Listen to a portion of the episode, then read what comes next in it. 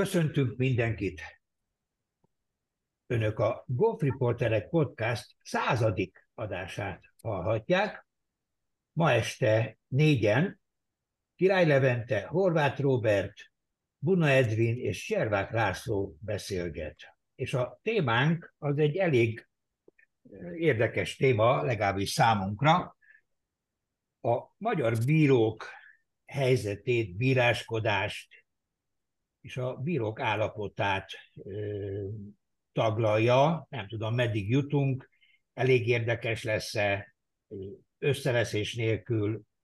Ugye itt mi hárman bírók vagyunk, és a Levente, mint aki igyekszik majd mederbe tartani a beszélgetést, így csatlakozik hozzánk, de hát nagyon sok minden gyűlik itt a fejünkben az év folyamán. Meglátjuk, hogy mit tudunk ebből érdekesen visszaadni. Hát ott, ott indítom, hogy, hogy ahogy mondtam valamikor, hogy a, és őszintén bíróként, hogy a, a játékosoknak a szabályismerete jelentősen javult az elmúlt négy-öt év folyamán. Én azt gondolom, úgy érzem, hogy a bíróknak a, a viszonylagos elismertsége is a játékos körében, játékosok körében egész megfelelő. Egy baj van szerintem, hogy, hogy a játékosok jobban szeretnének bíró nélkül játszani, erről a bírók nem, nem tehetnek, és ilyenkor aztán vannak a nem jó, nem jó hangulatú versenyek, verseny zárások. De ahogy mondom, ez, ez, ezzel megbarátkozunk. Itt igazából a szövetséggel, illetve a elnökséggel, vagy a főtitkárral nem tűnik olyan kiegyensúlyozottnak ez a, ez a viszony. Ugye onnan indulok, hogy alá kell írni egy egy keretszerződést, ami, ami egy méltatlan, és egy, egy nem egy egyenlő felek szerződését jelenti, mindenképpen hátrányos a, a bíróknak, és akármi van benne, előnyös a, a szövetségnek. Innen indulunk. Utána onnan azt érdekes egyébként, hogy mind a négyen akik itt most beszélgetünk, egyelőre még ugyancsak én, pályáztunk annak idején bizottsági elnöki pozícióra, és jó, oké, okay, a Robi nem pályázott, a, másik. A kérték, igen, mert nem, mert én ugye egy másik bizottságra pályáztam, hogy ugye a handicap és korszéti. Nem, nem bizottságra, nem, nem, a, go, nem a bíróira. Ja, bocsánat, jó, akkor lehet, hogy rosszul értettem. Oké. Okay. Mindegy. Az a lényeg, hogy ott én akkor bementem a összeült elnökség elé, és azt kértem, tényleg azt kértem, hogy én is, én nem érdemben pályáztam, én csak azért pályáztam, hogy elmondjam, hogy a bírónak eh, hétre ott kell lenni a, a pályán. Ahhoz neki ötkor el kell indulni otthonról, ahhoz négykor föl kell kelni. Odaér hétkor, nyolcig elvégzi másnak a munkáját, utána ott egész nap egyrészt a, a tudásával kell, hogy szolgáljon, másrészt a jelenlétével, és mindegy, hogy 40 fok meleg van, vagy 5-10 fok hideg, az este 6-ig, 7-ig tart az a verseny, utána még eredményhirdetés van, és akkor nyolckor indulhat haza körülbelül egy kétórás út helyett olyan három órát a Balatoni vagy bármelyik országúton, hogy utána 11-re hazaérjen. És jöjjön el velem bármelyik, vagy mindegyik elnökségi tag, üljön be mellém reggel ötkor, és tapasztalja meg, hogy mit jelent ez a szolgálat. Ezt szerettem volna, és ezt a mai napig is szeretném, mert más szemmel néznének a bíróra. És akkor utána, e, ha még lenne időnk, meg idégünk, akkor még elmondom azért, hogy, hogy azért milyen dolog esetleg szomjazni, vagy, vagy nem kapni hideg vizet, vagy ugye ez helye válogatja, mindegy. Szóval ebből indulunk ki, hogy ez egy, ez egy elfogadhatatlan állapot. És akkor jön a következő, ami ugyanehez a témához tartozik, hogy, hogy már most lehetne tudni, hogy jövőre milyen versenyek lesznek, milyen vidéki olyan versenyek, ahol a bíróknak feladatuk lesz. Tehát most le kéne foglalni ezekre a versenyekre azt a három szobát, amit majd azok a bírók fognak betölteni, akik megkapják azokat a versenyeket. De olyan nincsen, hogy, hogy három-négy nappal a, a verseny előtt kiderülhet, hogy, hogy na, ki lesz az a, az a ö, ember, akit ö, kijelölnek, a, aki megkapna, jó, akkor menjél te, és akkor ott van három nap alatt szerezzen Balatonon 15 ezer forintért szállást magának. Az is lehetetlen. Lehetetlen. Na, ennyi egyelőre, de hallgatlak, hallgatlak benneteket, hogy... hogy Bele is ugrottunk a mélyvízbe, mert hirtelen ak- akkor a karcsapásokkal indultunk, hogy, hogy hirtelen ez nagy, nagy volumen, de ö, kezdjük el, és akkor majd legfeljebb visszatérünk dolgokra. Én a, ami a bevezetőben, amit említettél, én azzal kezdeném itt, hogy a játékosok szabályismerete úgy ítélet, hogy javult az elmúlt négy-öt évben. Én ezt egy picit árnyalnám. Nem mondom, hogy ez nem... Bocsánat, én annyit nem visszakozom, de helyesbítem, amit gondolok az az, hogy a versenyjátékosok, annak a, annak abból a Na pont ezt 100, akarom kifejteni. 100 vagy 60 játékosból, aki rendszeresen játszik a versenyeken, abból az első 40-50-nek jelentősen javult a, a, a tudása. Igen, na akkor pont ezt akarom akkor részletesebben esetleg kifejteni az én nézőpontomból, vagy az én gondolataim szerint, ugye, hogy amit te esetleg érzel, ugye, az, ugye elsősorban azért van, mert ranglistai szövetségi versenyeken kell ugye mindenképpen bírónak lenni. Tehát többségében te is ezeken a versenyeken bíráskodsz. Ugye most itt megnéztem a, az idei ranglista táblázatot, férfiak esetében ez összesen 257 játékosnak van ranglista pontja, ami azt jelenti, hogy 257 játékos indult el vagy ranglista, vagy szövetségi versenyen, hogy tudott szerezni ranglista pontot. Na most ezek közül ugye nagyon sokan csak egy-egy versenyen indultak el. Tehát vélhetően a saját klubjuknak a, a saját ranglista versenyén, mert tényleg, tehát itt azért, aki az első 150-ben van, nem, bocsánat, a hátsó 100-ban van, az egy vagy két versenyen vett összesen részt, tehát nagyon kevés ez a kis létszám. A hölgyek esetében ez még szörnyű, mert ott 63 játékosnak van egyáltalán ranglista pontja, tehát az azt jelenti, hogy 63 különböző hölgy indult el összesen ranglista vagy szövetségi versenyen. Na most ugye ez a jelen pillanatban hivatalosan regisztrált 1056 játékoshoz képest, ugye nagyságrendileg a harmada. Ami azt jelenti, hogy ugye nem csak ennyi versenyzőnk van, hanem jóval több, mármint a, most a ranglista pontot szerző játékosok számához viszonyítva, mert a klubversenyeken indulnak a játékosok, és a nagyobb problémát én itt látom. Tehát nem arról van szó az én gondolatom szerint, hogy a, egy szövetségi mondjuk a nyílt magyar bajnokságon, vagy akár egy Winter kapon, vagy bármelyik ö, nagyobb versenyen, vagy akár csak egy ranglista versenyen induló játékosoknak a zöme legalább a legelemibb szabályokkal ne lenne tisztába. Tehát biztos, hogy nem fog három ütőre droppolni, meg és a többi, és a többi, de most nem részletezzük az alap dolgokat, de a nagy többsége tudja az általában előforduló gyakori szabályokat. Obi, vízakadály, és a többi, és a többi. Ezeknek a nagy többségét azért tudják.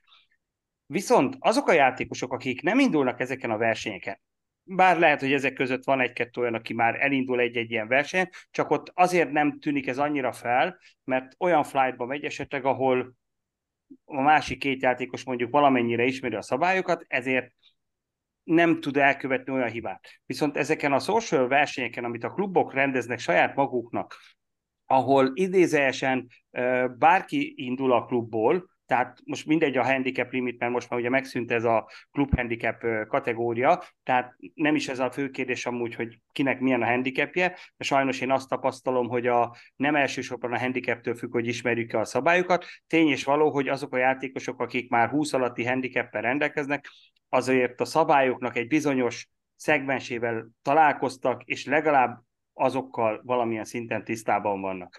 Viszont ugye miután a klubversenyeken nagyon sokan indulnak, és ott is vannak olyan klubversenyek, ahol igen nagy nyeremények vannak. Most nem csak ö, árban, hanem hogy nagy presztízsű díjak vannak, amit sokan szeretnének azért megnyerni, és hát sajnos pontosan tudjuk beszámolókból, jegyzőkönyvekből, hogy ilyenkor rengetegféle szabálytalanság keletkezik, olyanok, amik teljesen egyértelműen kimutathatóak, hogy a szabály nem ismeretéből adódik, hétköznap is így játszunk, hétvégén is így játszunk, nincs megfelelő szabályoktatás, Ugye, majd erről esetleg beszélhetünk többet. Már most, már mondhatod Most is beszél. Jó, csak nem akarom, hogy végig én beszéljek. Tehát most akkor csak egy gondolatban még, hogy, hogy én azt érzem, hogy, hogy inkább az van, hogy inkább ketté szakad a golftársadalom, hogy azok, akik mondjuk így sportolóként, versenyzőként vesznek részt a, a golf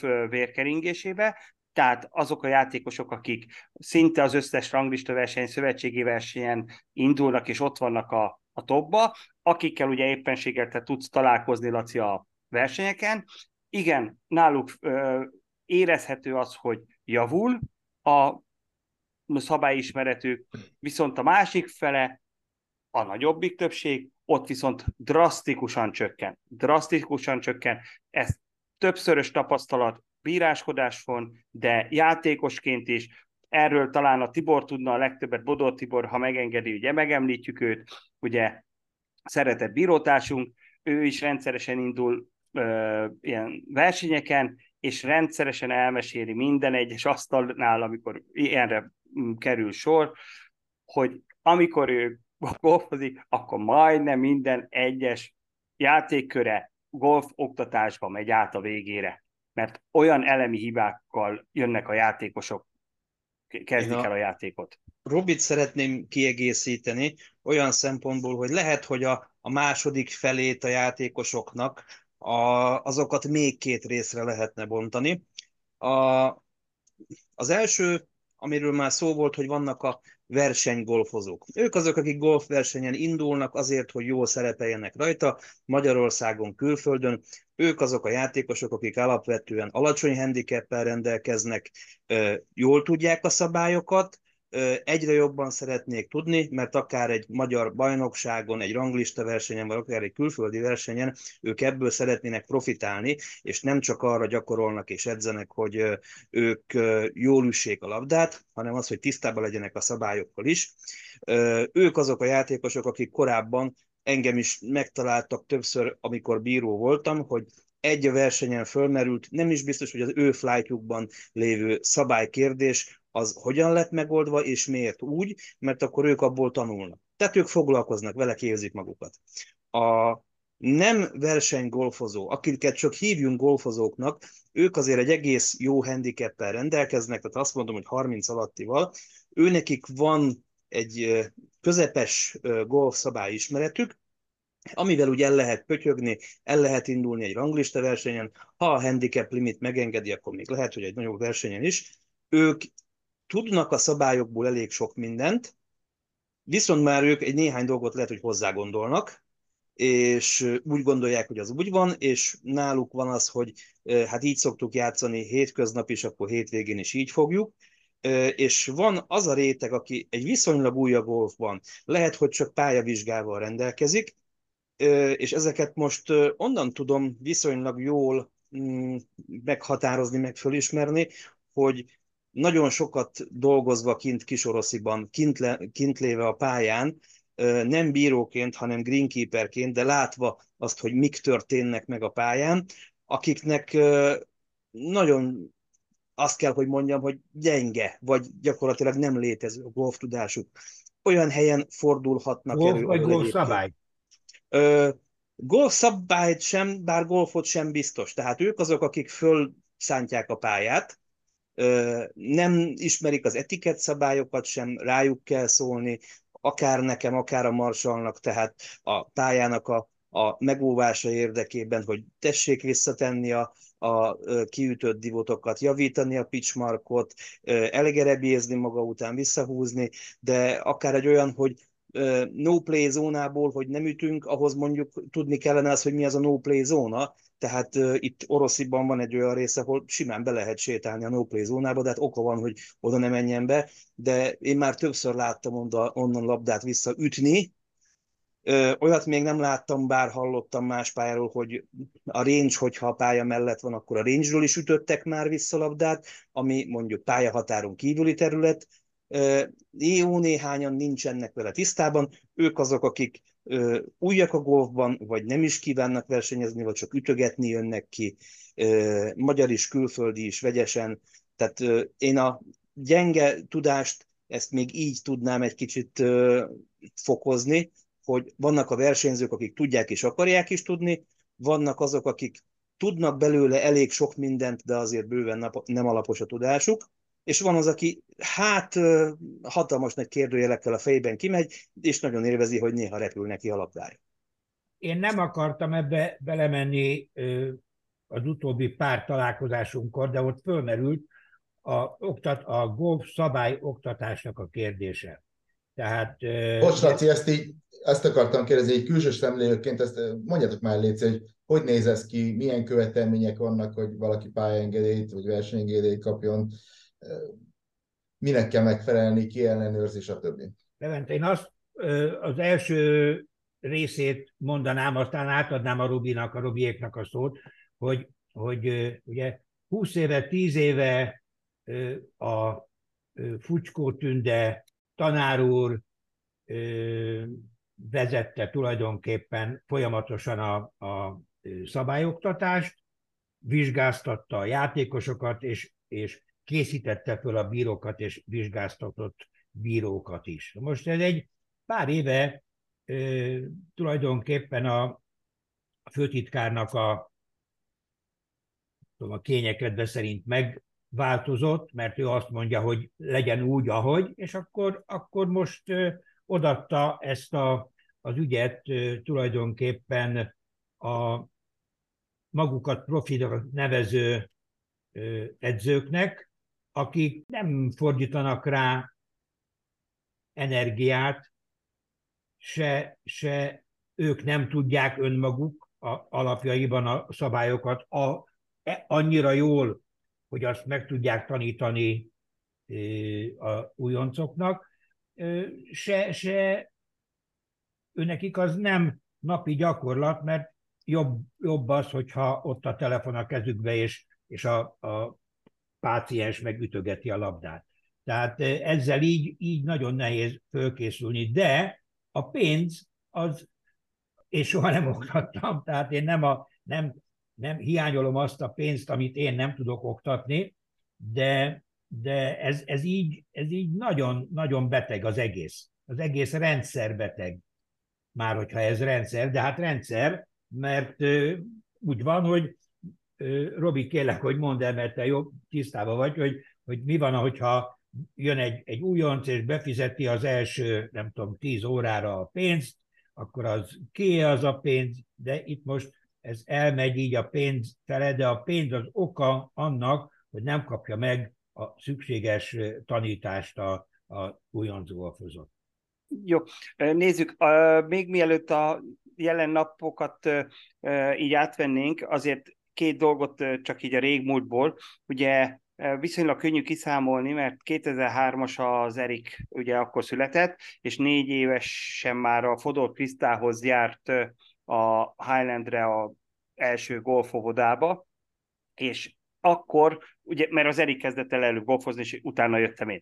De én akkor beiratkoztam szabályismereti oktatásra, és pontosan határozat. Emlékszem, mert mindig szombaton mentünk a Krisztához, négy hétvégén szombat délelőtt volt szabályoktatás, a Gágyor Gábor volt a oktató, ő tartotta az oktatást, tehát négy hétvégén volt az oktatás, ez mondjuk, mondjuk 9-től 12 most nem emlékszem már vissza, mert azért ez nem ma volt, hogy pontosan hány óra volt egy nap, de minden esetre nem kevés, és az ötödik alkalommal volt egy írásbeli teszt. Tehát uh, utána ez egy idővel utána redukálódott már egy olyanra, hogy délelőtt van oktatás, délután már vizsga van, uh, a mai nap pedig meg már ez, ez már sokkal-sokkal gyorsabbnak történik. Ugye most jelen pillanatban egy két lépcsős rendszer van a, a GOF elkezdéséhez igazából. Ugye van ez az úgynevezett pálya alkalmassági kurzus, azt hiszem talán ez 9 óra, ami alatt a játékos valamennyien szinte megtanulja, ugye, hogy hogyan kell ütni, és elvileg a kilencből egy óra, az pedig ilyen pálya, etiket, hogy hogyan kell viselkedni a, a pályán, mert ugye a pálya engedélynek az a lényege, hogy ott még nem szerez a játékos handicapet, de az adott klubnak a pályáján, ahol ő mm, mondjuk klubtag lesz, ott kiengedik már a játékost a pályára. Ugye vannak olyan klubok, ahol szigorúan handicaphez kötik, ilyen volt hosszú ideig a Panónia is, ott azt hiszem 26 volt a handicap limit, az alatt nem lehetett menni, azt onnan tudom, mert mi se, tehát az Erik sem mehetett oda játszani, amíg el nem érte a 26-os handicapet, hiába úgy tűnt, hogy tud ütni labdát, tudja, hogy mit kell csinálni a pályán, ennyi volt a limit, nem lehetett menni. Most ugye Magyarországon nincs handicap limites pálya, tehát elvileg pálya engedélye bármelyik pályára ki lehet menni. Ugye itt már jönnek rögtön az első tapasztalatok, hogy azok a játékosok, akik csak pályaengedélye rendelkeznek, tehát kvázi ez a 9 órás ö, oktatáson vannak túl, hát azért messze nem tudják, hogy hogyan kell viselkedni, haladni a pályán. Nem is biztos, hogy most a viselkedésen arra kell érteni, hogy kiabálnak, vagy nem figyelnek, hanem például nem tudja, hogy mikor kell kiabálni egy fornál, vagy miért kell kiabálni, ő neki mikor kell, mikor kell provizórikus labdát ütnie, hogy haladjon, ezek szoktak általában lenni a legtöbbe, meg hogy a pályán nem bóklászunk csak akárhogy, hanem van egy ritmus, amit tartanunk kellene, kvázi a játékidőt, még akkor is, hogyha ez csak egy sima baráti kör. Ugye, tehát akkor ez a pályaismereti vagy pályaengedélyhez még van egy pályaismereti vizsga, vagy nem is tudom pontosan mi a megnevezése, az a lényeg, hogy azt egy teszt sorozatot, teszt sort kell kitölteni. Ez azért egy kicsit problémás, mert voltam szemtanúja már egy olyan tesztlapnak, amin még mindig az öt perc a helyes labdakeresési idő. Tehát ugye ez egy, ezért ez egy probléma, hogy ezt sem vesszük olyan szigorúan, most a veszük azt most azok, akik a golfban így műk, ö, dolgoznak, ugye akik ezt a tesztet ö, íratják a játékosokkal, tudjuk, hogy hogyan működik, úgyis átmegy általában mindenki tehát a, ezen a teszten, de az egy elég problémás dolog, hogyha már eleve ennek a tesztnek a valósághoz való közel is megkérdőjelezhető, pontosan ilyen alapvető szabálykérdése, hogy hány percig lehet keresni a labdát, és hogyan, ha már az nem jó, az már probléma. Ugye a második lépcsőfok, Bocs, még mielőtt, Igen? csak egy kérdés, hogy ez hogy fordul a terület, kiállítja össze a kérdéssort, nem nézi ezt átbíró, tehát nem... nagyon jó a kérdés, Levi. Minden szempontból, annélkül, hogy bárkit is meg akarnék bántani, az én információm szerint ezek ilyen közkézen keringő dokumentumok. Valakinek egyszer jutott, kész. Nincs, nincs központilag semmiféle ellenőrzés arra, hogy hogyan megy. Akkor, ha megengedtek egy ö, kis oldal vizes ö, mm, magyarázatot, ugye amikor a tünde volt a bíróbizottság, az összevont bíróbizottság és handicap bizottságnak a vezetője, akkor én ugye tagja voltam már annak a bizottságnak is, és abban az időben még vezetve volt egy nyilvántartás a szövetségnél, egyszerű, egy sima Excel, tehát nem kell túl bonyolult dologra gondolni, amiben vezetve volt a játékosoknak a szabályismereti vizsgának a megléte. Hogy volt vagy nem. Az, a jól emlékszem, ezt talán Tibor biztos meg tudná egyből mondani, de mintha én úgy emlékeznék, hogy az ígőben ez látszott is, hogy megvan-e már valakinek a szabályismereti vizsgája. Ugye az... Szerintem igen, annyival hagy egészítsem ki, hogy szerintem igen, benne volt az égülben, mert hogy azt talán nem is engedte nevezni bizonyos eseményekre lehet, hogy mert az volt, úgy volt, nem... bocs, igen, mert az úgy volt, hogy abban az időben még ugye létezett ez az úgynevezett pálya handicap, amit azért vezettek be, hogy a 36-tól az 54-es handicapig, akik még nem tudnak úgy, nem ismerik a szabályokat, de ki, ki akarnak menni a pályára játszani, meg esetleg csináljanak neki versenyeket, ugye ezek szoktak legtöbbször lenni ezek a C kategóriák, a 36 és 54 között, ezek voltak az igazi pályahandicapek. Az EGA másképp is számolta ott a handicapet, bár olyan értemben másképp, hogy a, az elért bruttó pont az ugyanúgy számolódott, csak az volt a különbség, hogy rontani nem lehetett, amíg el nem érte valaki a 36-ot. Tehát ha 40-ről lement 38-ra, a verseny után akkor lett 38 a handicap de a következő versenyen rontott, és a matematikailag újra 40 lett volna mondjuk a handicapje, akkor nem romlott vissza. És akkor ugye ez volt a, az a része, és ezt az ígül ezt kezelte, hogy lehetett látni, és ugye eddig nem is volt létfontosságú a szabályismereti vizsga, mert abban az időben az volt a, a szövetségi szabályzatban, hogy a 36, tehát ahhoz, hogy valaki szövetségi ranglista klubversenyen tudjon indulni A és B kategóriában, ahhoz 36 alatti handicap kellett, és szabályismereti vizsga. Ugye ma már ilyen nincsen. Nem csak handicapben nincsen megkülönböztetés, hanem már nincs ilyen kitétel, hogy a szabályismereti vizsgával rendelkezni kell. Zárójelbe jegyezném meg, hogy miután ennek tudomásom szerint nincs nyilvántartása, így nincs ember, aki megmondja, hogy kinek van meg a, a szabályismereti vizsgája, vagy nincsen.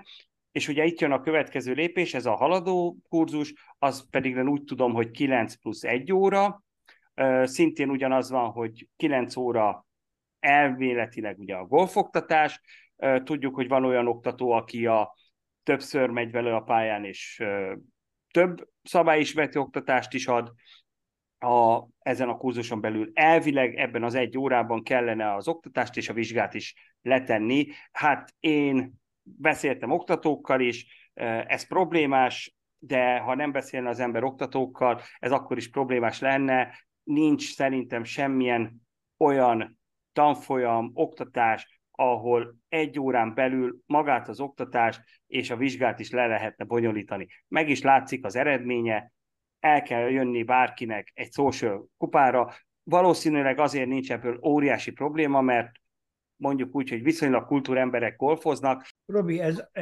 ez a csalás szó, ez azért érdekes, mert én komolyan gondolom, én naív vagyok hozzáállásban, hogy nagyon sokszor nem, nem csalási szándék.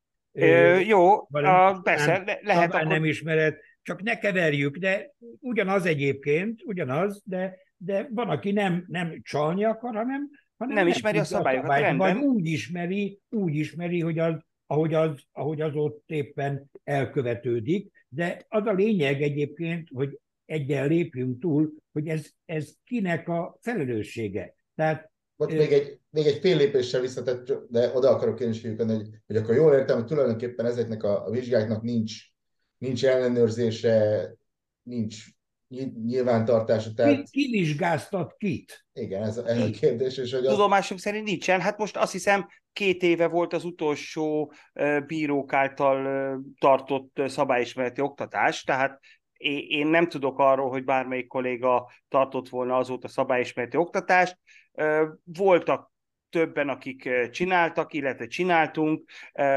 Én is tartottam többet, főleg a a junior játékosoknak, akik nemzetközi porondon is mentek, ugye a 19-es szabályváltozások után bőségesen, hogy milyen változások lesznek, a saját klubunkban is tartottunk csak úgy ö, dolgokat. Tehát vannak azért ilyenek, de, de szerintem ez óriási ö, hiány, hogy, hogy nincsen egy központilag szervezett ö, oktatási ö, rendszer, ami nem csak abból áll, hogy most ki oktat és hogyan oktat, hanem hogy ki és hogyan kér számon, hogyan tudjuk ellenőrizni a játékosokat.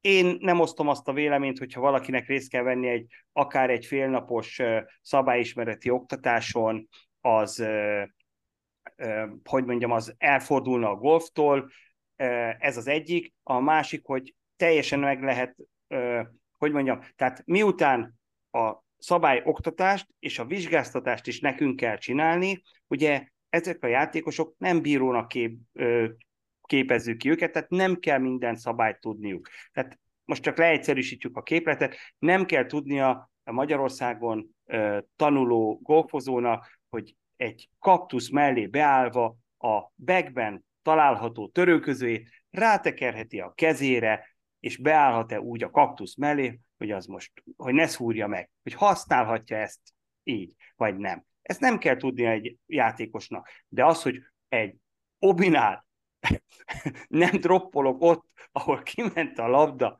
hát az egy ugye evidens dolog.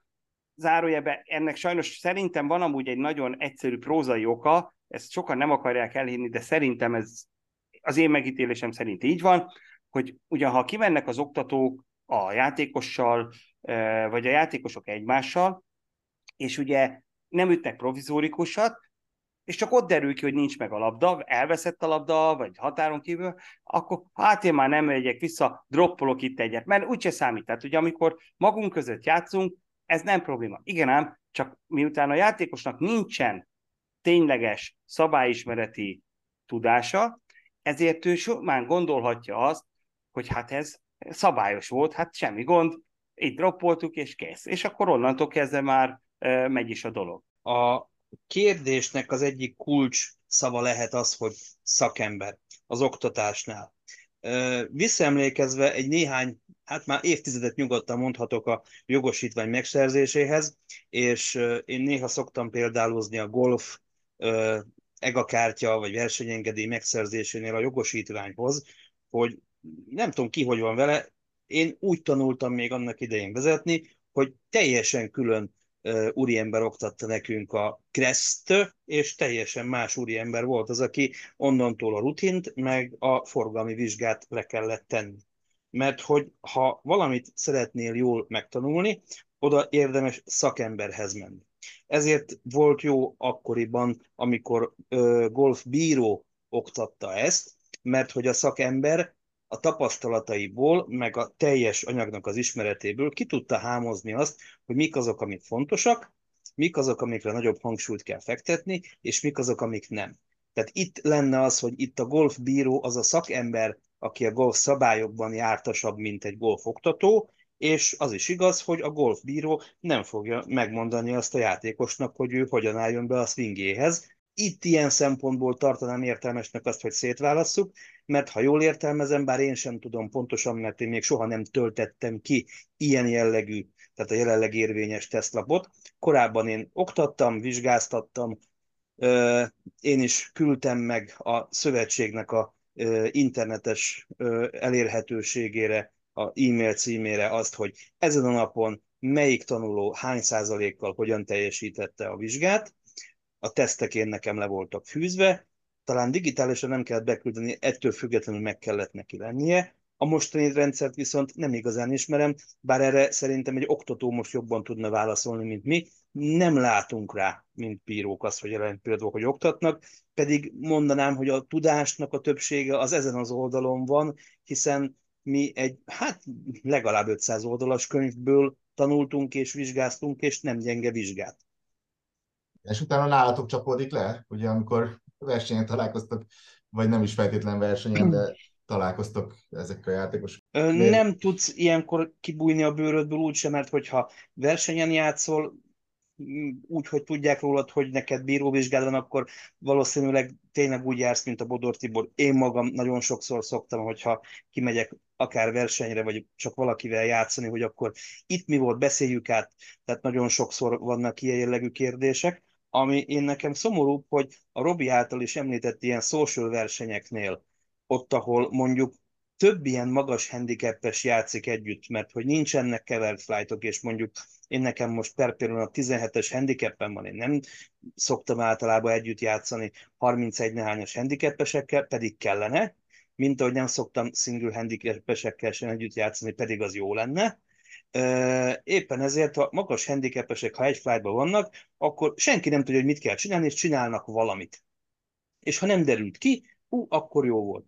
Ilyenkor csak az a baj, hogy mindenki úgy indul el mondjuk egy golfversenyen, pluszos handicaptől 36-os handicapig, hogy a nettó értékelésben mindenki föltételez, hogy ugyanolyan fair módon történt minden a versenyen, az ő flightjában is, a másik flightban is, a harmadik flightban is, és mindenkinél, hiszen mindenki ugyanazt a szabályt kellene, hogy alkalmazza, de ha nem tudja, hogy hogy kell alkalmazni, akkor, akkor van a gond. Egy nagyon jó példa, jó néhány évvel ezelőttről, sima, szerintem nem is versenyen, hanem pályajátéknál egy foglaltak pályán volt az, hogy egy lassabb flight föltartott gyorsabb flightot, csak sima játéknál, és nem engedték el, és hát Marshallnak ki kellett menni beavatkozni, és az volt a, a dolognak az eredője, hogy nem engedték el, hiszen nem tudták, hogy hogyan kell. Tehát ők utána megpróbáltak, kapkodtak, ütögettek, még lassabbak lettek tőle, tehát nem tudták a procedúrát, nem ismerték a szabályt, az eljárást, ezért inkább az volt, hogy akkor inkább siessünk, kapkodjunk valamit, más módon oldjuk meg. Tehát a tudás hiányára volt ott is visszavezethető az, hogy volt egy fönnakadás, pedig az csak egy hétköznap volt. Mi lenne a megoldása a helyzetnek? a nagy költői kérdés, hát a triviális. Hát e-, egyrészt ezt uh, meg kellene oldani azt, hogy igenis, tehát nem kell ezen sokat filózni, ezt is el, hát a Laci is, Edwin is tudhatja, annak idején, amikor a 19-es szabályváltozások voltak, akkor a bíró testület igen heves vitát folytatott arról, hogy mit kellene csinálni. Akkor ugye a Tasi Laci volt a főtitkára, ott volt a Tünde is még, meg még jó néhányan, a, akik ma már nem bíráskodnak egyéb okok miatt, hogy, hogy ugye alapvetően a 19-nél például én annak a híve lettem volna, hogy mindenkit vizsgáztassunk le az új szabályrendszerből, mert ilyen változás még nem volt a golfban szabályrendszerben, mint a 2019-es. Így akkor ugye lett volna a régieknek is egy vizsgája, akiknek nem volt, mert ugye nagyon sok, azt azért jegyezzük meg, hogy nagyon sok olyan játékos van ma a golf csapatban, társadalomban, akiknek nincs szabályismereti vizsgája. Független attól, hogy mennyire ismeri a szabályokat. Játszik 20 éve, 30 éve, teljesen mindegy, nem tűnt föl. Nem volt, mert ugye miután nem volt folyamatosan vezetve, így ugye amikor vezetve, vezettük a, az újonnan bejövő játékosokat, az csak az újakra vonatkozott. Ugye akik előtte voltak, azokról nem lehetett tudni, hogy van-e vagy nincsen, innentől kezdve ez egy nehéz. Ugye már megint nincs vezetve, úgyhogy ilyen szempontból nagyon sokan vannak olyanok, akiknek nincsen szabályismereti vizsgája. Ez persze nem azt jelenti, hogy nem tudhatja a szabályokat, de alapvetően pontosan lehet tudni, hogy aki nem vesz részt ilyen célzott szabályismereti oktatáson, azoknak a nagy többsége nem tudja. És ugye a másik nagy probléma szerintem amúgy itt a, az oktatás hiányában ott jelentkezik, hogy ugye a golfozó kitől tanul, Hát attól, akivel kint van, és ő már, hát én már három éve golfozom. Ja, neked már 20-as a handicapet, tehát akkor ő már biztos tudja, hogy mi a szabály. És ugye így egymás után az egyre kevesebb tudás, egyre nagyobb hibákat és eh, hibákat halmoz majd fölfele, és minél tovább haladunk majd így az időbe, és nem teszünk ez ellen semmit, akkor majd azt fogjuk észrevenni, hogy egy idő után, amikor a játékosok így egymásnak mondják a szabályokat, ugye ismerjük azt a játékot, hogy beállítunk X embert egymás után, és csak egy szót mond, egy mondatot mondunk, mire a végére ér, teljesen más lesz a mondat értelme. Na körülbelül így van ez a szabályoknál is. Amikor én elkezdtem, akkor is voltak ilyenek, hogy az idősek azt mondták, hogy hát ez így van, akkor járt az ember tanfolyamra, de hát mondom, ide van leírva a szabálykönyvbe. Jaj, hát az már vált, az nem, mi nem így tanultuk, mi nem így szoktuk, és a többi, és a többi szabály, szövegek szoktak ugye jönni, és sajnos ez a mai napon is ugyanígy megvan, hogy hát ezt nekem így mondták, hát ezt nekem így mondták. Ez szerintem egy óriási uh, hiba. Legik, én, én, én konkrétabban próbálnék válaszolni a kérdésedre. Vissza kéne adni a, a bíróknak, mint test, bírói testületnek a, a elismertségét, a bíróbizottságnak a, a rangját, és, és, és komolyan venni a, ugye van egy ilyen vicces mondás, nem is olyan vicces, hogy ha a golfot nem a saját szabályai szerint játszod, akkor egy másik játékot játszol. Érdemes lenne úgy megtanulni, és se egymást nem hűíteni, a játékosok egymást, se pedig a, a, a, a bírókat. De ehhez az kell, hogy a bírók visszakapják a, megbecsültségüket. Annyival egészíteném ki, és inkább egy kicsit már konkretizálva az, hogy hogyan lehetne ezt megoldani, hogy szakemberek által összeállított egységes tananyagot kellene leadni, szakemberek által összeállított egységes vizsgáztatást kellene csinálni.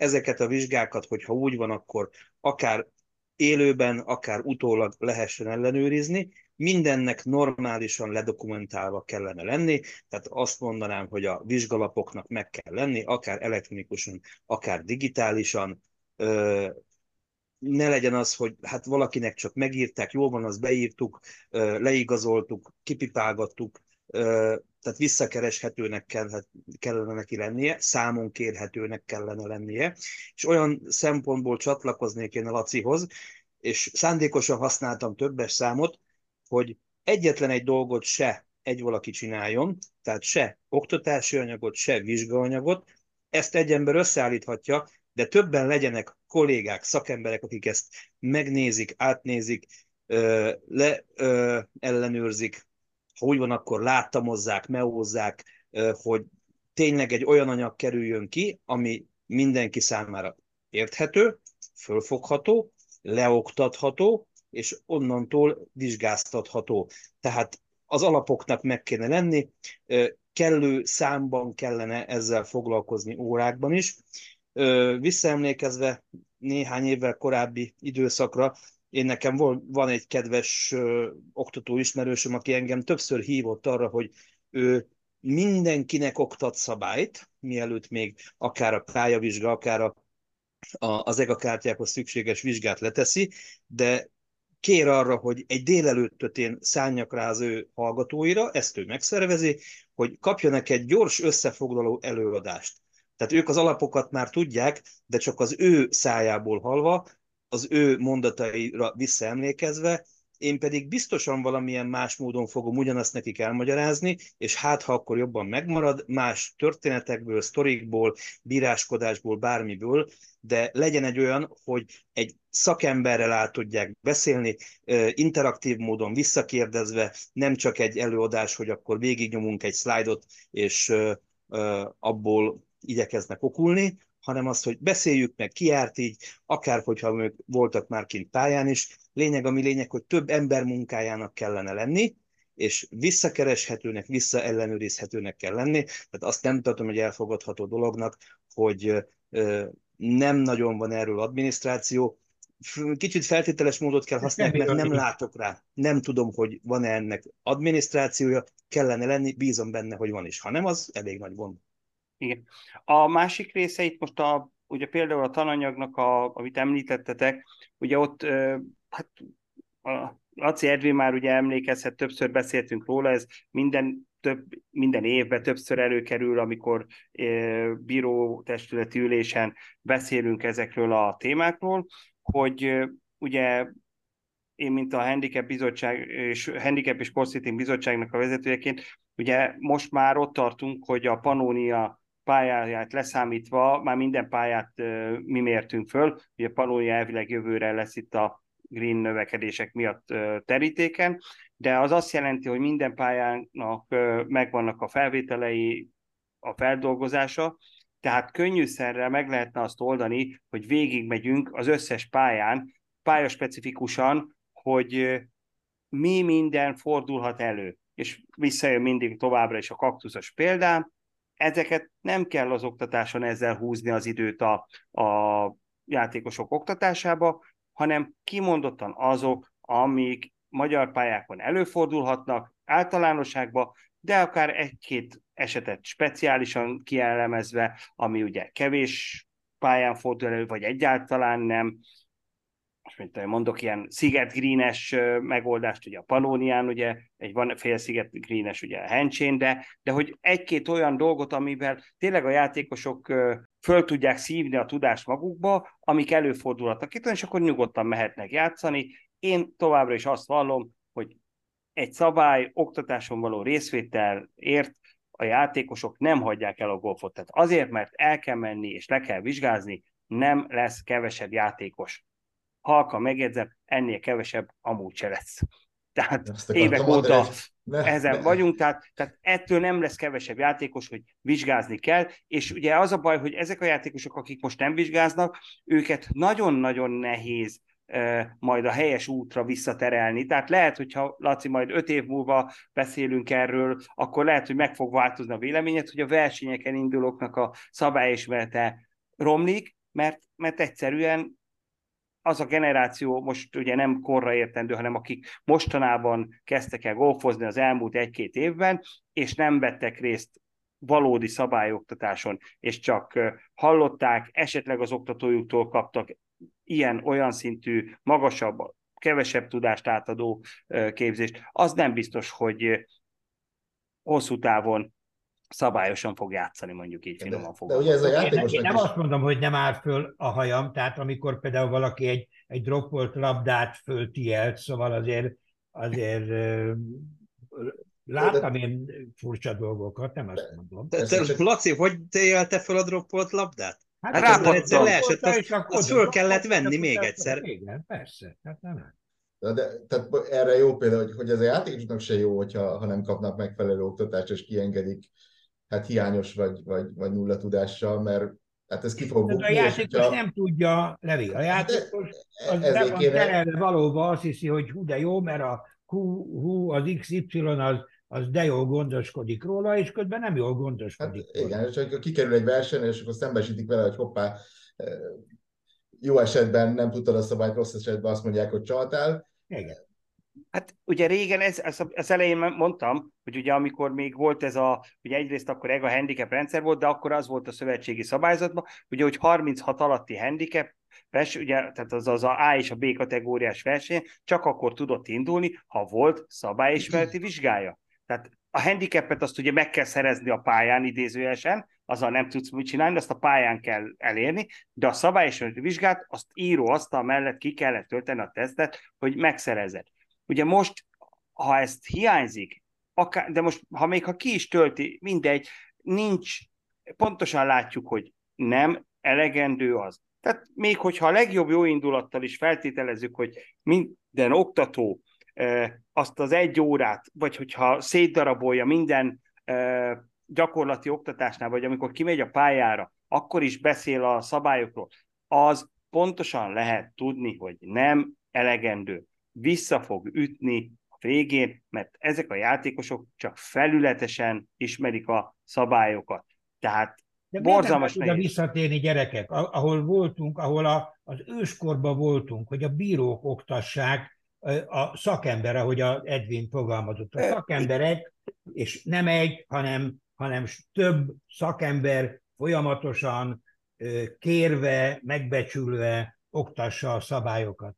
És Igen, akkor... mert ráadásul, bocsáss meg, ugye azért a, a bírók, ha más, nem, ha nem is mindenki, de a legtöbb bíró, ugye folyamatosan képezzük magunkat olyan értelemben, hogy ugye kijönnek folyamatosan a frissítése. Hát ezeket adoptálni kell, meg kell nézni, hogy ez milyen jellegű változás. Pont ezt, ezt mondanám, Tehát... hagyd mondjak egy, egy mondatot, hogy amikor, nem tudom, jó pár éve már a Kovács Titus kért, hogy írjak egy cikket a, a évvégi kincses kalendáriumba, mondta, hogy arról írok, akiről akarok, akkor én a Major Gyurit választottam, mert, mert akkor a nemzetközi golf életben nem volt magyar játékos, és, és egyedül a, akkor, ahogy én láttam, a Major Gyuri és csapata végzett nemzetközi szintű munkát, mint pályaépítő. És, és utána döbbentem rá, hogy bizony a golfbírók, akik, akik Szentendrúzban tettek vizsgát, és utána bizonyították is a nemzetközi rátermeltségüket, bizony ugyanaz a, ugyanaz a színvonal. Tehát ez csak a, a, a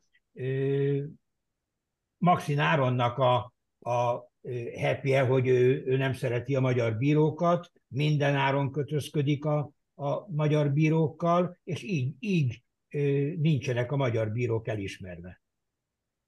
Annyival egészíteném ki a Lacit, hogy nemzetközi szintű egy sportág nem biztos, hogy csak akkor lehet, hogyha jók a versenyzői. Attól függetlenül, hogy most Magyarországon nem biztos, hogy nagyon szép jövő elé nézünk bizonyos golfos korosztályokban, meg hogy nagyon szép eredményeink vannak, tehát nem biztos, hogy mi oda tartozunk mondjuk az európai golf vagy a világgolfnak az élvonalába. Ettől függetlenül lehetnek mondjuk jó bíróink, és mondanám azt, hogy szerintem vannak is, a Szent Andrewsban végzett bírók azok mindenképpen, de szerencsére több olyan versenyen is bíráskodva, ahol uh, EGA képviselők voltak, vagy EGA versenyt rendezve bíróként, vagy vezetőbíróként ott voltam, alapvetően mindenhol elismerően szóltak a munkánkról, és amire ki akartam lyukadni, hogy uh, amikor a magyar foci jóval mélyebben volt, mint szerintem most van. Volt egy Púl Sándor nevezetű bírónk, aki világbajnoki döntőt vezetett. És ez nem egy utolsó szempont volt, tehát a magyar foci ilyen szempontból jól szerepelt akkor, a magyar golf is ilyen szempontból jól szerepel, úgy, hogy egyébként szerintem egy maroknyi olyan játékosunk van, aki megüti a nemzetközi szintet, de bírókban ettől függetlenül jók vagyunk. Az, hogy az oktatók, hát mondjuk azt, hogy többsége nem tudott kinevelni jó versenygolfozót, mert akire én most tudok gondolni, ott mindenhol meg tudnám mondani azt a szülőt, aki a gyerek mögött állt, és borzasztó mennyiségű időt, energiát tett bele, hogy a gyerek, akár fiú, akár lány, jól szerepeljen, és mondjuk az év golfozójává váljon, hát nem biztos, hogy az edzőknek volt a legnagyobb szerepe ebben, nem mindent ő rájuk kellene szerintem rájuk szuszakolni. A magyar edzők szerintem maradjanak meg annál, hogy ők a, a, a mozgást, akár a pályán való viselkedést, mert hogy ők mennek ki először valószínűleg a játékosokkal játszani, ezt oktatják, mert ők ebben a szakemberek, jól tudnak ütőt adni a játékosoknak a kezébe. Az ő dolguk lenne az, hogy azért meg is maradjanak ebben a sportákban, tehát kedvet is hozzanak nekik. Őt találkoznak órában a legtöbbet a játékosokkal, viszont a másik szakrészt azt másfajta szakembereknek kellene oktatni, hiszen ő nekik van ebből több tudásuk. Ha jól értem, akkor tulajdonképpen a, ez a reform, hogy a, a, az oktatók, hogy az edzők tartják ezeket az oktatásokat, azt mondod, Laci, az elején, hogy ez, ez pár ezer forintról szól, vagy ki tudja mennyiről. Hát más indoka nincs a Levente. Jó, oké, okay, tehát most ez csak, e, ez csak a premier. Szakmai kifejezetten nincsen. Le, lesz egy provokatív kérdésem, hogy ti mindannyian, ugye golbírók vagytok, van egy bíróbizottságunk, nem az lenne a bíróbizottságnak a dolga, hogy hogyha van egy ilyen probléma, akkor azt megoldja, és úgymond a szövetség felé ezt szövetségbe ezt elintézze meg, megbeszélje, nem tudom mi a jó kifejezés rá, de, de képviselje a, a, a, a golfbírói szakmai érveket. Azt mondanám, hogy de. Ez nem történik meg? Nem tudom, én saját mondataimat tudom csak mondani, hogy én nem vagyok ennek a birtokában. Mindenképpen az lenne a fontos, hogy a bíróbizottság, vagy a bíróbizottságnak a vezetője, mert egy komplet bizottsággal nem fog senki beszélgetni, egy emberrel viszont igen, rávilágítson problémás részekre, és igyekszem nagyon politikailag korrekten fogalmazni, tehát rávilágítson, itt senki nem a fejét akarja levenni a másiknak, hogy ezt meg azt nem jól csinálod, hanem azt, hogy figyelj, az eredmények azt mutatják, hogy ebben meg ebben a formátumban lehet, hogy ezt jobban lehetne így csinálni, viszont abban nem vagyok biztos, hogy ezek a mondatok elhangzanak. Én meg azt mondom erre, még a Edwin érve előtt, hogy a, az egész bírói testületet kéne képviselni. Ugye a bírói testület az 20 valahány ember, akiből a Robi már célzott rá, hogy egyre többen nem bíráskodtak, és ki tudja, hogy fognak-e bíráskodni, és ez kifejezetten a, a jelenlegi vezetésnek a, a, az értékelése. A következő pedig bizottság, az pedig a, a bíróknak a, a ügyeit képviselje. A, ehhez képest a, a Gábor, a jelenlegi Gá, Gágyor Gábor elnök, ő világosan megmondta, hogy ő nem a bírókat képviseli a szövetségben, hanem a, a főtitkárt képviseli a bíróbizottság felé. Tehát amit, amit neki mond a, a főtitkár, ő azt jön kvázi végrehajtani. Ugye régebben legalább havonta volt egy-egy bírói ülés, amikor különböző helyszíneken összeültünk, és megtárgyaltuk azokat az érdekes eseteket, amik általában hétfőn vagy kedden, nem tudom, 5 órától hétig, nyolcig, sötétedésig zajlott, és, és mindenki tanult ezáltal. Kétségtelen, hogy általában egy-egy kólájába vagy fagylaltjába került a szövetségnek. E, tehát ez most már évek óta nincsen, olyannyira nincsen, hogy már összesen ülünk. Tehát ö, szerintem ö, kétszer ültünk össze idén, és egyszer vagy kétszer tavaly. Többek között. És ezen is múlik, hogy, hogy, hogy miért van ez így? Miért, miért, miért, miért nem ö, érdekli ez a, azokat a vezetőket, akik, akik önmagukat ö, tették meg vezetőnek? Nem mi tettük őket vezetőnek. Tehát arra gondolsz, hogy mondjuk a bíróbizottságnak a vezetőjét nem a bírótestület választ. Például. Például. Tehát, tehát én, én tudom, hogy, hogy mi tudtuk akkor is, amikor 12 bíró volt, mi tudtuk, hogy ki a mi elnökünk, nekünk én szerintem nagyon-nagyon jó volt a Lehel Laci. Semmi bajunk nem volt vele.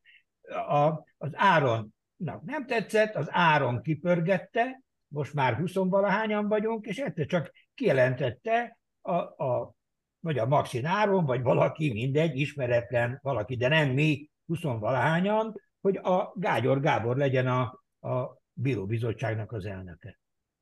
Miközben mi nagyon jó kis elnököt tudnánk magunk közül választani.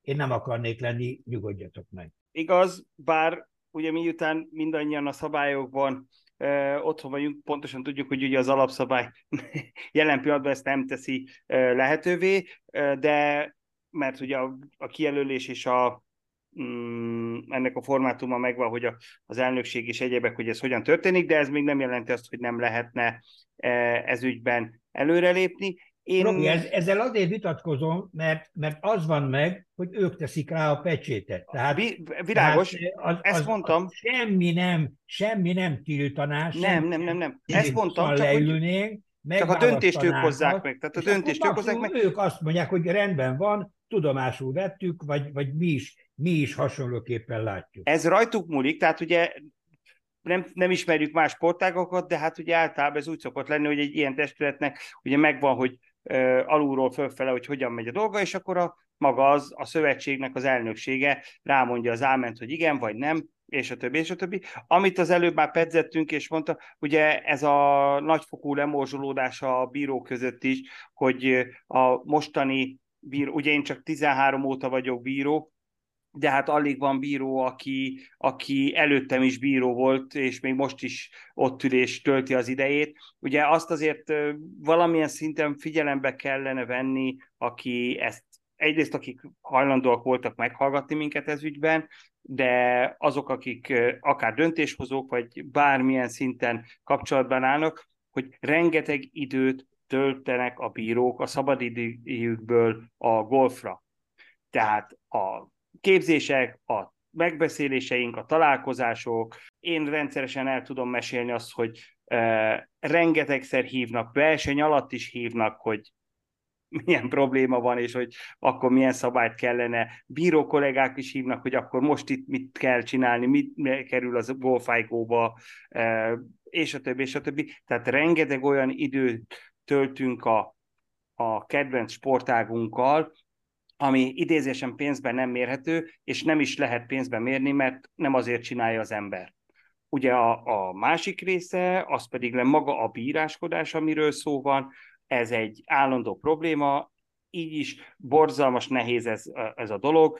Egy óriási vívmánya volt a, a, annak a bíróbizottságnak, amiben én tag voltam, ez nem most nem azért, mert ott voltunk, de a lényeg az, hogy elértük azt, hogy a pályákkal szerződni, a szövetség szerződik, ugye, és a szövetséggel a bírók, és így történnek a kifizetések, tehát megszűntek ezek a bartelezések, hogy menjél el bíráskodni valahova, és kapsz két kosár labdát, meg egy greenfit, és akkor happy vagy, és kész. Tehát ugye tudomásul kellene venni, hogyha kell golfbíró a versenyre, akkor az egy szolgáltatás, amit ki kell fizetni. Ha van egy labdarúgó mérkőzés, egy kosárlabda mérkőzés, egy jégkorong mérkőzés, teljesen mindegy, hogy milyen sportverseny, ha oda bíró kell, akkor azokat a bírókat ki kell fizetni. Tehát meg kell fizetni. Robi, bocsánat, a, igen? a végét mondod, nagyon fontos, amit mondasz, csak hagyd szúrjam ide be, hogy akkor azt meg kell rendelni a bíróbizottságnál. A, Világos, most a...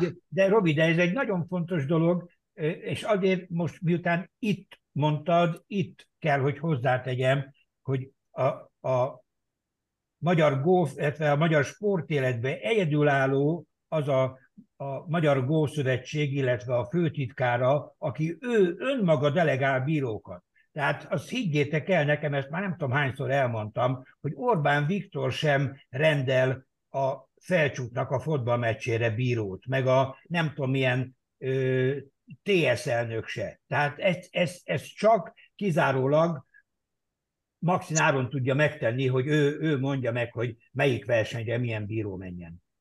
És ez, és ez azt megelőzi, mielőtt kifizetik a bírót. Mert igenis, ugye mi, mi jelentkezünk most, amikor kiírják a, a, a jövő évi versenyeket, mi jelentkezünk, és majd szépen a, a Adrien beosztja az ő ismeretei szerint, hogy, hogy milyen elfoglaltsággal tudja megbízni a különböző bírókat. Ez az égvilágon semmi köze nincs a Maxináronnak. Ezt mondjuk el, szerintem ez egy érdekes számra is, hogy hogy néz ez ki, hogy a, a bíróküldés, tehát hogy a gyakorlatban ti jelentkeztek, van egy, van egy adatbázis, vagy nem tudom, hogy, hogy ki leírja ez, mindenki, hogy ki, hogy ér rá, vagy tehát hogy néz ez nem, ki? Hát ez úgy van, hogy el?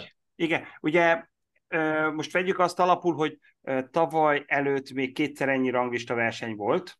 Ugye én, én nagyon örülök neki, bevallom őszintén, hogy csökkent a ranglista versenyeknek a száma, elsőkorban azért, mert így nőhet a versenynek a rangja, pontosan azért, mert kevesebb van belőle, tehát így tényleg azok a játékosok indulnak rajta, akik a ranglistán szeretnének jó helyezéseket elérni az összetetben, ezért ez egy szűk réteg, aki indul versenyen. Hát addig, amíg volt 20 akárhány ranglista verseny, és csak 8-at vettünk figyelembe, az azt jelentette, hogy az nyerte, nyerhette meg a, a ranglistát összetetben, aki ugye kvázi a legtöbbször elment, mert annak a, a matematika alapján a nagyszámok törvénye szerint volt sok jó eredménye, tehát tudott javítgatni. Robi, de ez nem volt olyan jó, hogy a négy versenyből három elmaradt, vagy, vagy Az más, már igen, világos, Laci, de most a másik, csak maga, hogy a technológia hogyan működik. Ugye bármelyik bíróbizottság esetén ez úgy működött, hogy a minden bíró jelezte, hogy hova szeretne menni bíráskodni.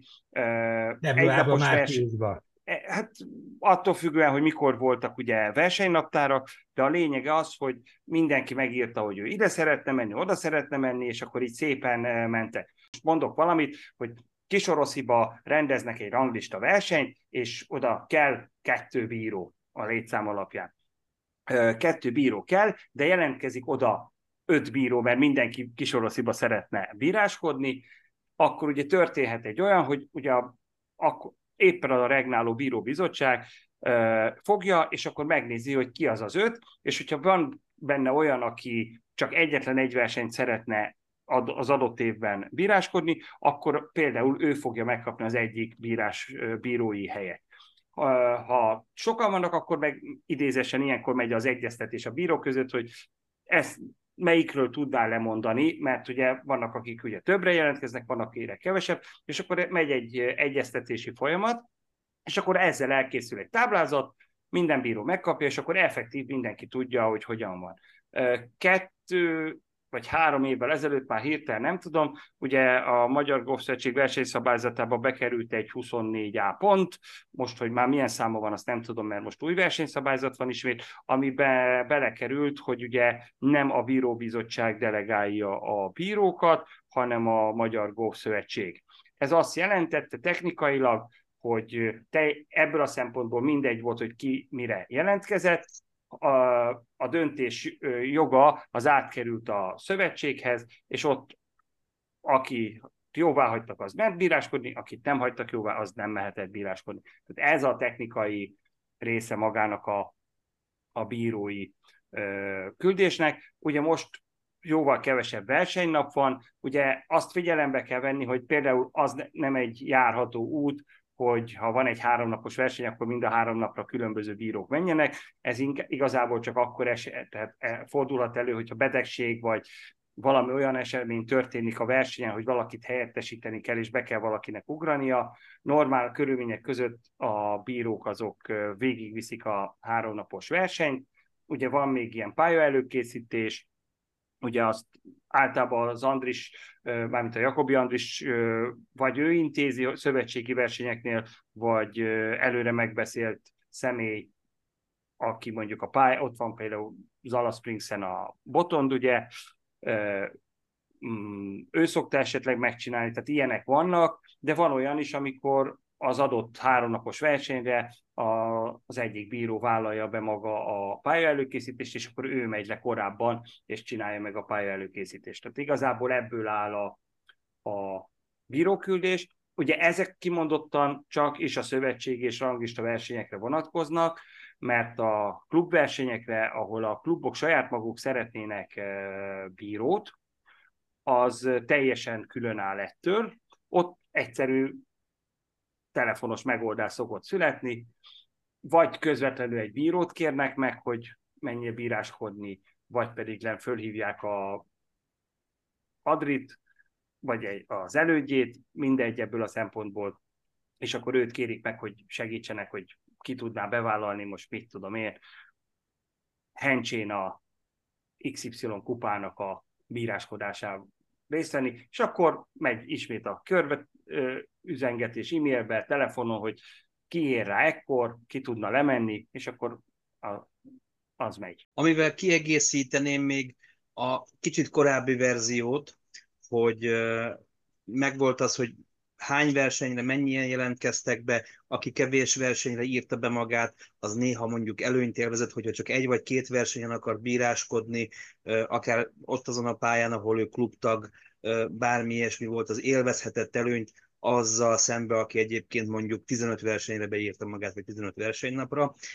Én nekem eszembe jutott egy, egy elég fontos dolog ezzel kapcsolatban, hogy egy néhány évvel ezelőtt szerintem talán egy klubcsapatbajnokságon volt az, amikor a, a Vasco Esti, mint fiatal, nem sokkal korábban végzett bíró, de aki kívánt aktívan szerepelni bíróként, ő kapott lehetőséget arra, hogy szövetségi versenyen harmadik bíró legyen, tehát együtt bíráskodjon velünk, hogy tudjon tanulni. A jelenlegi kiosztásnál nem biztos, hogy erre figyelnek, hogy a, frissen végzett bírók azok tudjanak nagyobb versenyeken is szerepelni, klubversenyek, vagy ne adj Isten raglista versenyek helyett akár egy szövetségi versenyen. Tehát ilyen szempontból a a bíróképzésnek a, a gyakorlati része is figyelembe volt véve, hogy igen, ő neki megvan a vizsgája, és hogy ő jó bíró lehessen, ahhoz ő neki kell nem csak a klubban szerzett, hanem szövetségi versenyen szerzett tapasztalat is, és ez mondjuk figyelembe volt véve. Ez fontos volt. Most egy kicsit félek tőle, hogy lehet, hogy ez nem működik. Én egy érdekességet mondanék még neked, Levi, már valószínűleg tudsz róla, nem tudom, hogy két vagy három éve valamelyik első tavaszi versenyre, talán Magyar Kupára, be voltunk írva hárman Szentendrúzi bírók íráskodni, és egy vagy két nappal a verseny előtt ezt lemondta a főtitkár, és a három Szentendrúzi bíró helyett egy darab magyar végzettségű bíró volt, tehát nem három, hanem csak egy, és a, a a végzettsége sem volt ugyanaz, és ez nem volt érdekes, az volt érdekes, hogy úgy legyen, ahogy ők akarják. Ezzel kapcsolatban egy, egy mondat nagyon benne van a fejemben, hogy lemegy az úgy is, tehát Lemegy. elég sokat hallottam ez én mondja? azt. Ez ki mondja? Az a baj, hogy ez ilyen városi legenda. Tehát konkrétan vezető tisztségviselőtől ezt én még nem, nem hallottam, viszont amikor mondjuk én bíráskodtam jóval többet, akár pálya előkészítés, akár a verseny alatti bíráskodásban, és mindig az volt, hogy simán szépen gördüljön végig a hömpölyögjön végig a verseny, hogy ez lezajlik szépen rendesen, nem az, hogy lemegy ez így is. Akartam is kérdezni tőled, Edwin, ugye mi, mi az elmúlt években azért sokat találkoztunk szövetségi versenyen, idén pedig nem. Beszéltetek itt a bírók lemorzsolódására, hogy tartott tőle, hogy te is kezdesz lemorzsolódni, hogy van ennek specifikus oka itt a bíró bizottságos ügyek kapcsán, vagy, vagy vagy más? Bíróbizottságos dologgal kapcsolatos szerintem nincsen. A bírók munkáját befolyásoló dolgokkal kapcsolatban van. Szerintem kettő évvel ezelőtt született meg valakinek az agyában az, hogy milyen jó lenne, hogyha egy keretszerződés keretein belül végeznénk mi bírók ezt a, ezt a munkát. Az első évben fogalmazunk úgy, hogy talán év, nem, év közben volt szerintem az, amikor ez gyakorlatilag bevezetésre került. Már akkor is voltak benne problémás részek, amelyre én legalábbis a főtitkár úrtól annól kaptam egy szóbeli választ arra, hogy hát ezeket majd fogják módosítani, eszközölni, gyerekbetegségeket azokat majd ki fogják belőle szedni. A 2023-as évre ez olyan szinten nem sikerült, hogy a Ctrl-C, Ctrl-V volt az alap, szerintem, de mintha úgy emlékeznék, hogy bizonyos szempontból még romoltak is a feltételek, és akkor úgy voltam vele, hogy hát csináljuk ezt, szeretjük ezt a sportágat, de mivel hogy nem megélhetési dolog ez a bíráskodás szerintem senkinél, ezért úgy voltam vele, hogy jó, de nem minden áron. Tehát ami én nekem, és inkább elvi probléma volt, függetlenül a, a bírói díjaktól, az az, hogy mondjuk a teljesítés, nem teljesítés esetén a szövetségnek hát legalább egy fél oldalnyi rész volt, hogy mi védi a szövetséget, tehát hogyan miként kell a, a bírónak, ha valamiért nem tud megjelenni, előtte mennyivel, hogyan, miként, milyen felelősséggel lemondani, míg a szövetséget semmilyen ilyen felelősség nem terhelte, és az idei évben szerintem volt is ebből probléma, hogy a nem kellő játékos létszám miatt mondtak vissza bírót, akár egy-két nappal, de lehet, hogy csak egy nappal, vagy 12 órával, nem tudom, néhány Igen. órával a, a verseny előtt, hogy nincs rá szükség, tehát ne menjen le, és hát hogyha valaki ennek megfelelően szervezte azt a hétvégéjét, és kalkulált ezzel a versennyel, Ahogy akár az idejét, akár a pénzügyi oldalát nézve, hogy ezzel kalkulált, akkor őt sajnos a földre ült két szék közül, és ilyen már előre borítékolható kis aknák miatt én úgy döntöttem, hogy ezt a jelenlegi szerződést én nem írom alá. Ez nagy valószínűséggel semmilyen fejfájást nem okozott a szövetségnek, tehát jól megvoltak nélkülem, hiszen majd jönnek jó új bírók, akiket majd kinevelnek, és akik azt fogják csinálni majd, amit ők szeretnének, vagy legalábbis ez az elképzelés. Hogy értsék a hallgatók, hogy, hogy mit jelent ez. Ugye a, egy háromnapos verseny biztos, hogy nem hétvégén zajlik le, tehát az azt jelenti, hogy legalább egy munkanapot fog érinteni. Ha pályaelőkészítés is vállal a bíró kollega, akkor az már két munkanapot érint. Ha ez olyan szövetségi verseny, ami inkább hétköznap van, tehát például Junior Open, Senior Open, ezek ugye hétköznapi versenyek szoktak lenni, az több munkanapot is érint. Miután a bíróknak a nagy többsége munka viszonyban álló ember, tehát ugye hobbiból bíráskodik, neki szabadságot kell például kivenni ezekre a napokra. Na most, hogyha ugye nem lehet megoldani azt, hogy időben derüljön ki, hogy ki megy bíráskodni, ki nem megy bíráskodni, és bizonyos időn belül mondja le valaki ezt a megbízatást, hogy nem kell mennie bíráskodni, ez például olyan embereknek, akiknek a szabadság kivétele vagy visszavonása az problémát okozhat egy nagyobb vállalatnál, egy nagyobb cégnél, ez már mindjárt felveti azt a problémát, hogy hát ez akkor ez nem biztos, hogy fair mindkét, rész, mindkét fél részére, mert hát ugye akkor a bíró nem tudja már módosítani a dolgokat, tehát ott fog állni, hogy kivet mondjuk két nap szabadságot, amit máskorra is el tudott volna ö, tenni, míg ugye arra készült, hogy ő menni fog, és majd ö, bíráskodik. Tehát sok, sok apró sebből vérzik ez a dolog, nem, nem egyszerű a dolog. Én azt gondolnám, hogy ezt már rég meg lehetett volna oldani, rég meg kellett volna, tehát évekkel ezelőtt, ez mindig probléma. Én ezt, azt az egy részét nem tudom megérteni, hogyha kell bíró egy versenyre, és az egy szolgáltatás, azt tessék már felfogni, hogy azt ki kell fizetni, senki nem akar ingyen menni. Érdekes módon a versenyen, amikor indulnak a játékosok, tőlük mindig be lesz szedve a versenynek a nevezési díja. Milyen érdekes azt azoknak be kell fizetni, be kell fizetni. Hát akkor tessenek kikalkulálni, hogy igenis kell. Ilyen egyszerű játék ez. Hogy van egy ö, írásos rész, egy, egy ügyvéd végzettségű, vagy jogi végzettségű ö, kollega írta, hogy a szövetség szerződéskötési gyakorlata zárójelben, amikor polgári jogi szerződést köt a bírókkal, sérti a polgári törvénykönyv elveit is, mert itt nem egyenrangú felek szabad akaratából megkötött szerződéséről van szó, hanem diktált, egyoldalúan szövegezett szerződésről, amiről ebben az évben kiderült, ráadásul, hogy jogilag is roppant agályos, a szövetség által foglalkoztatott jogász, dr. Sándor Elek semmisnek is tekintette a szerződést az idény végén. És a, ráadásul az eredeti állapot helyreállítása, ami a semmis szerződés jogkövetkezménye, nem lehetséges. Tehát, hogy e, ilyen, ilyen helyzetben is vagyunk itt bírók, mint szerződéskötésre kötelezett alanyok. Annyival egészíteném ki, hogy ö, ne, az, a, az egyoldalú, azt, azt nagyon erősen aláhúznám én is. Gyakorlatilag nem egyenlő felek között, tehát nem az, hogy egy megrendelő meg egy szolgáltató között van egy, hogy hívják, hanem az gyakorlatilag egy nagyon erősen megcsonkított lehetőségekkel élő olyan, nem is tudom, jognyilatkozat talán, hogy a megrendelő az egyébként megmondja, hogy ezt meg ezt meg ezt teheted, ezt meg ezt meg ezt nem teheted, és ha tetszik, tetszik, ha nem, nem. Ha aláírod, akkor mehez bíráskodni, ha nem írod alá, akkor nem.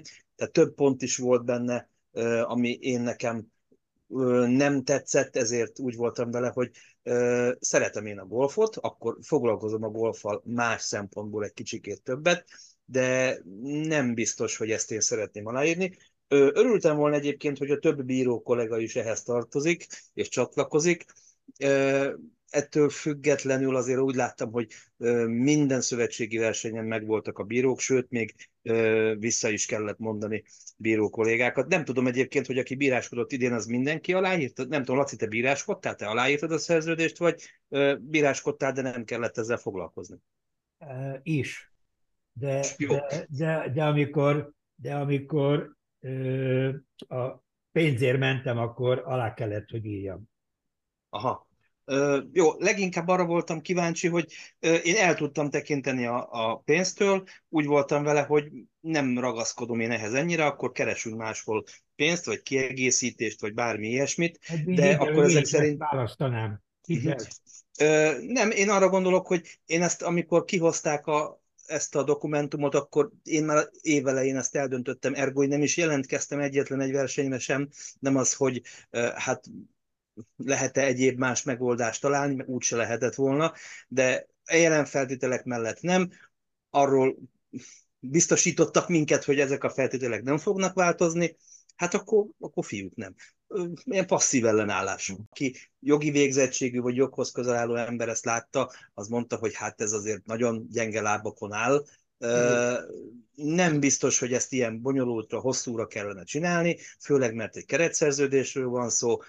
Ilyeneket úgy tudom, hogy az üzleti életben sokkal egyszerűbben sokkal gördülékenyebben meg szoktak oldani. Egy kicsit úgy érzem, hogy túl lett szabályozva, és egy kicsit lehet, hogy meg akarták nyilvánni itt a, a, a bíróknak a, a, a lehetőségeit, hogy hát majd meglátjuk, hogy ki megy még bele ebbe, hogyha még mindig vannak sokan bírók, akik mondjuk esetleg nem tetszenek bizonyos embereknek, akkor majd még szigorítunk rajta.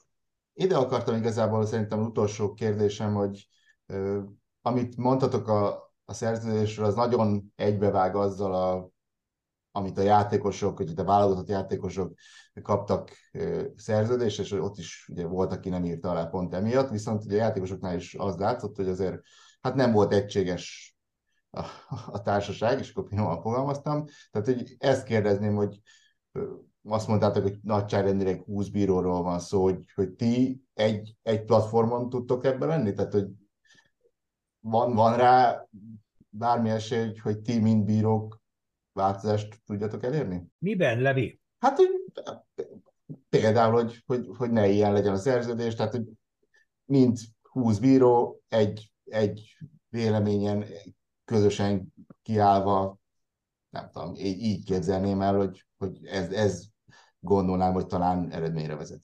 Egy egyszerű nemet elfogadsz választnak? Abszolút. Én azt mondom, hogy szerintem nem. Nem biztos, hogy mindannyian együtt gondolkodunk. Szinte biztos, hogy ha egy összeállás lenne és egy nagy szembenállás lenne, az konfliktushoz vezetne, és úgy gondolom, hogy vannak a bírói testületben olyan kollégák, akik inkább konfliktus kerülők.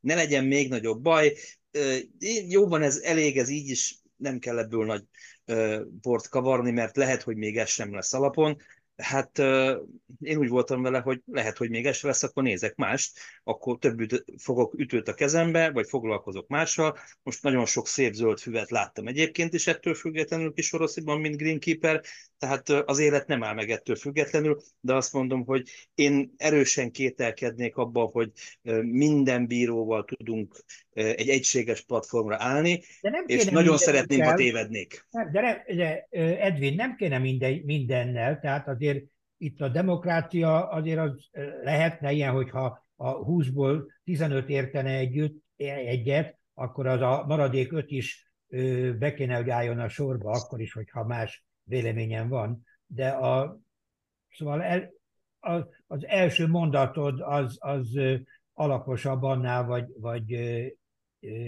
érvényesebb, hogy inkább jobb a béke, nem, nem mondom meg, hogy mit gondolok, és akkor, akkor kevesebb bántódásom esik. Igen, de ennek, szerintem ennek alapvetően más jellegű problémái is vannak. Szerintem ez, ez össztársadalmi probléma is egyben, hogy Igen. ha azért, mert valaki más gondol valamiről, és elmondja a véleményét, az még nem azt jelenti, hogy, hogy rosszat akar.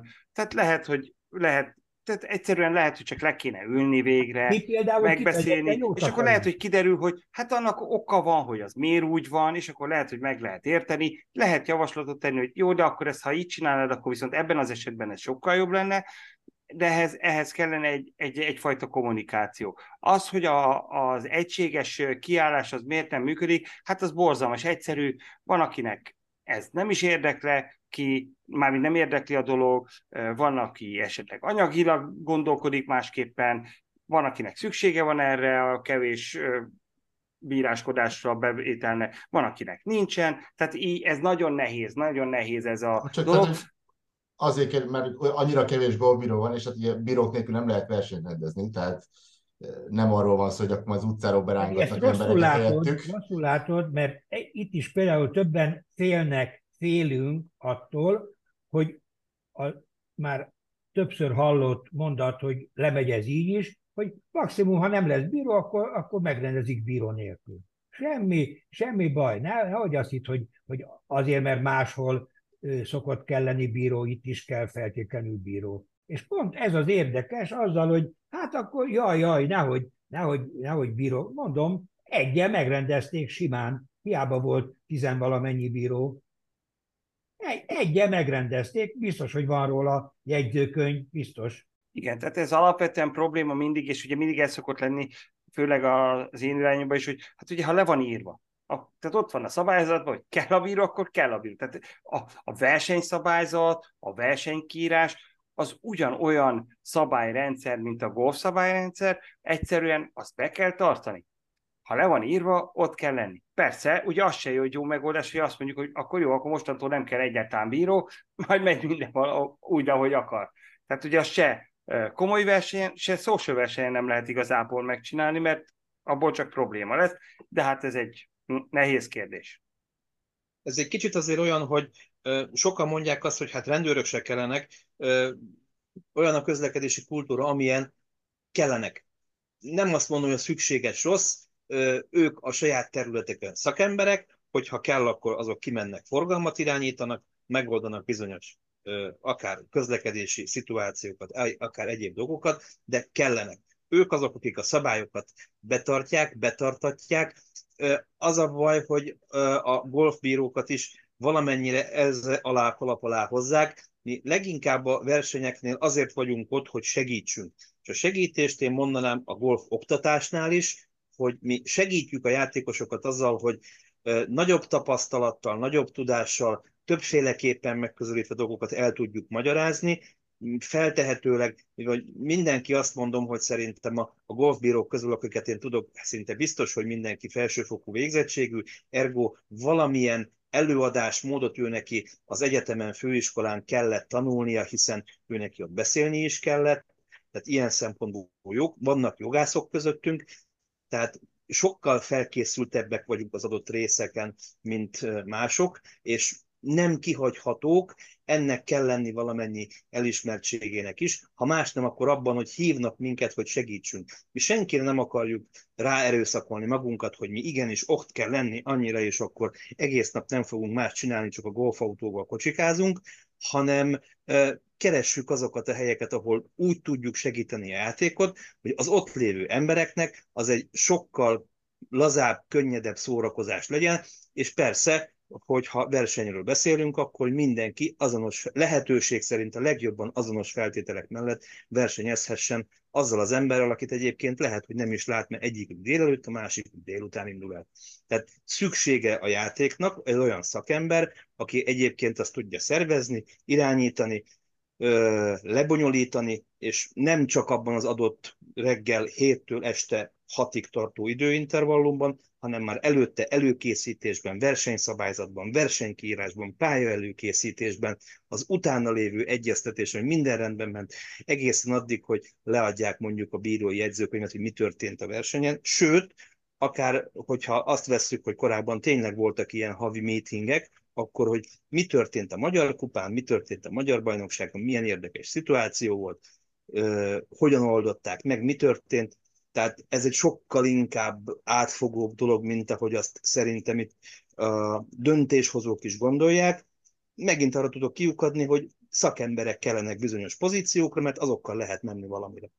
És, e, és ehhez képest pedig, és teljesen igaz, amit mondtál, mégis így van, hogy szerintem egy háromnapos versenynek a körülbelül száz megszólalásában, körülbelül száz, de lehet, hogy több, abból, abból szerintem 10, maximum 20 ruling, de 20, 20 nem nagyon van, még a három nap alatt se az, az naponta 6 vagy 7 klasszikus ruling, és utána van vagy 20 vagy, vagy 80 vagy, vagy akár 100 sürgetés, hogy le vagy maradva, bizé, itt vagytok, miért, miért késtek, miért, miért így, miért, stb. stb ami, ami, ami meg nem feltétlenül a bírónak a saját ötlete.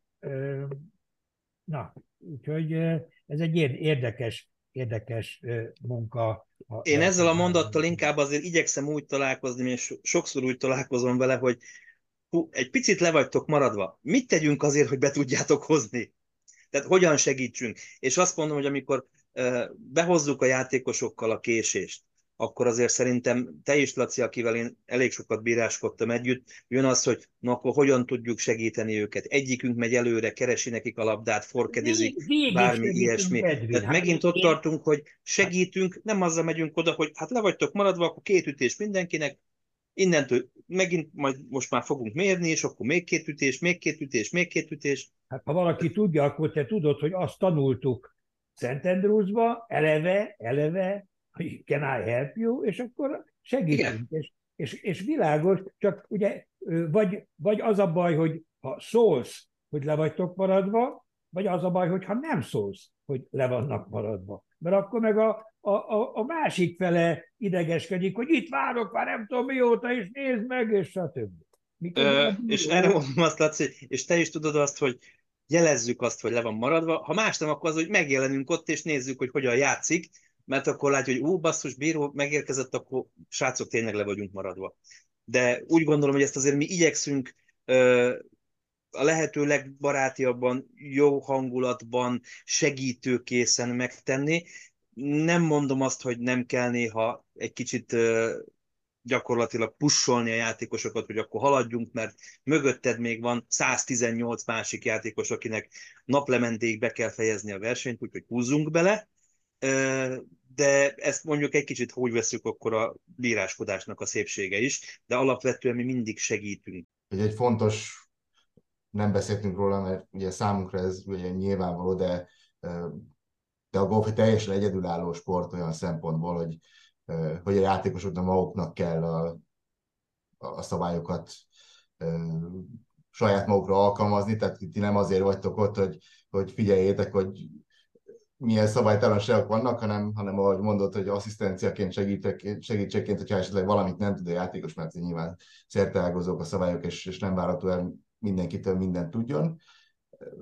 Laci, én téged kérnélek meg, hogy te nagyon jól tudod ennek a megfogalmazást, hogy külföldön ezt nem biztos, hogy golfbírónak hívják referinek. Minek szokták még ezt hívni? Ezt a szemét, aki segít versenyeken? Rules official. Így van. Tehát mi fölhívjuk a játékosoknak a figyelmét bizonyos dolgokra, amire lehet, hogy ő ott az adott szituációban, idegességében nem foglalkozott, akár az, hogy milyen egyéb más opciói vannak, vagy lehetnek, vagy az, hogy hát igen, ő elkövetett egy hibát, ami a golf szabályok szerint valamilyen büntetéssel jár, és legyen szíves azt följegyezni a szkorkártyára.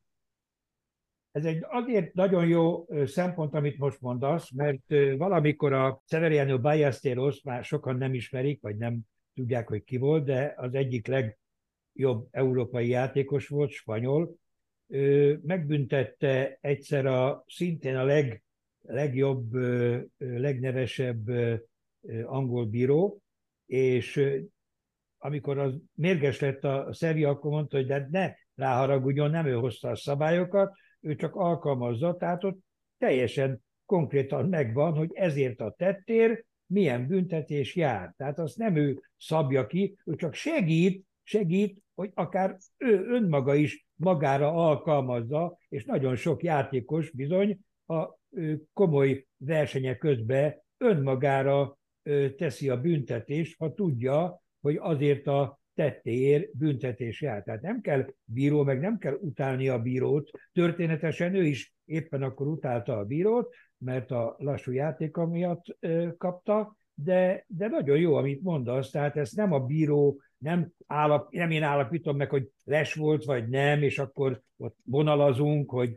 hogy a melle volt előbb, vagy a lába, vagy a stb., hanem az ott volt, és akkor az jár, és kész. Itt van, le van írva, régebben annyiból volt jobb, hogy volt egy decision book, egy 600 oldal körüli döntések könyve, és ott, ott az volt a bírói munkának a, a alapja, hogy minél hamarabb rá tudjál mutatni arra a bizonyos pontra, ahol azt a, a ö, döntést írásban olvashatja a játékos. Az egy, szerint az egy nagyon klassz dolog volt. Ha minden igaz, akkor John Paramore-ra John Paramore-ra régi. igen, aki, aki sajnos idén elhunyt, csak ennyi. Igen.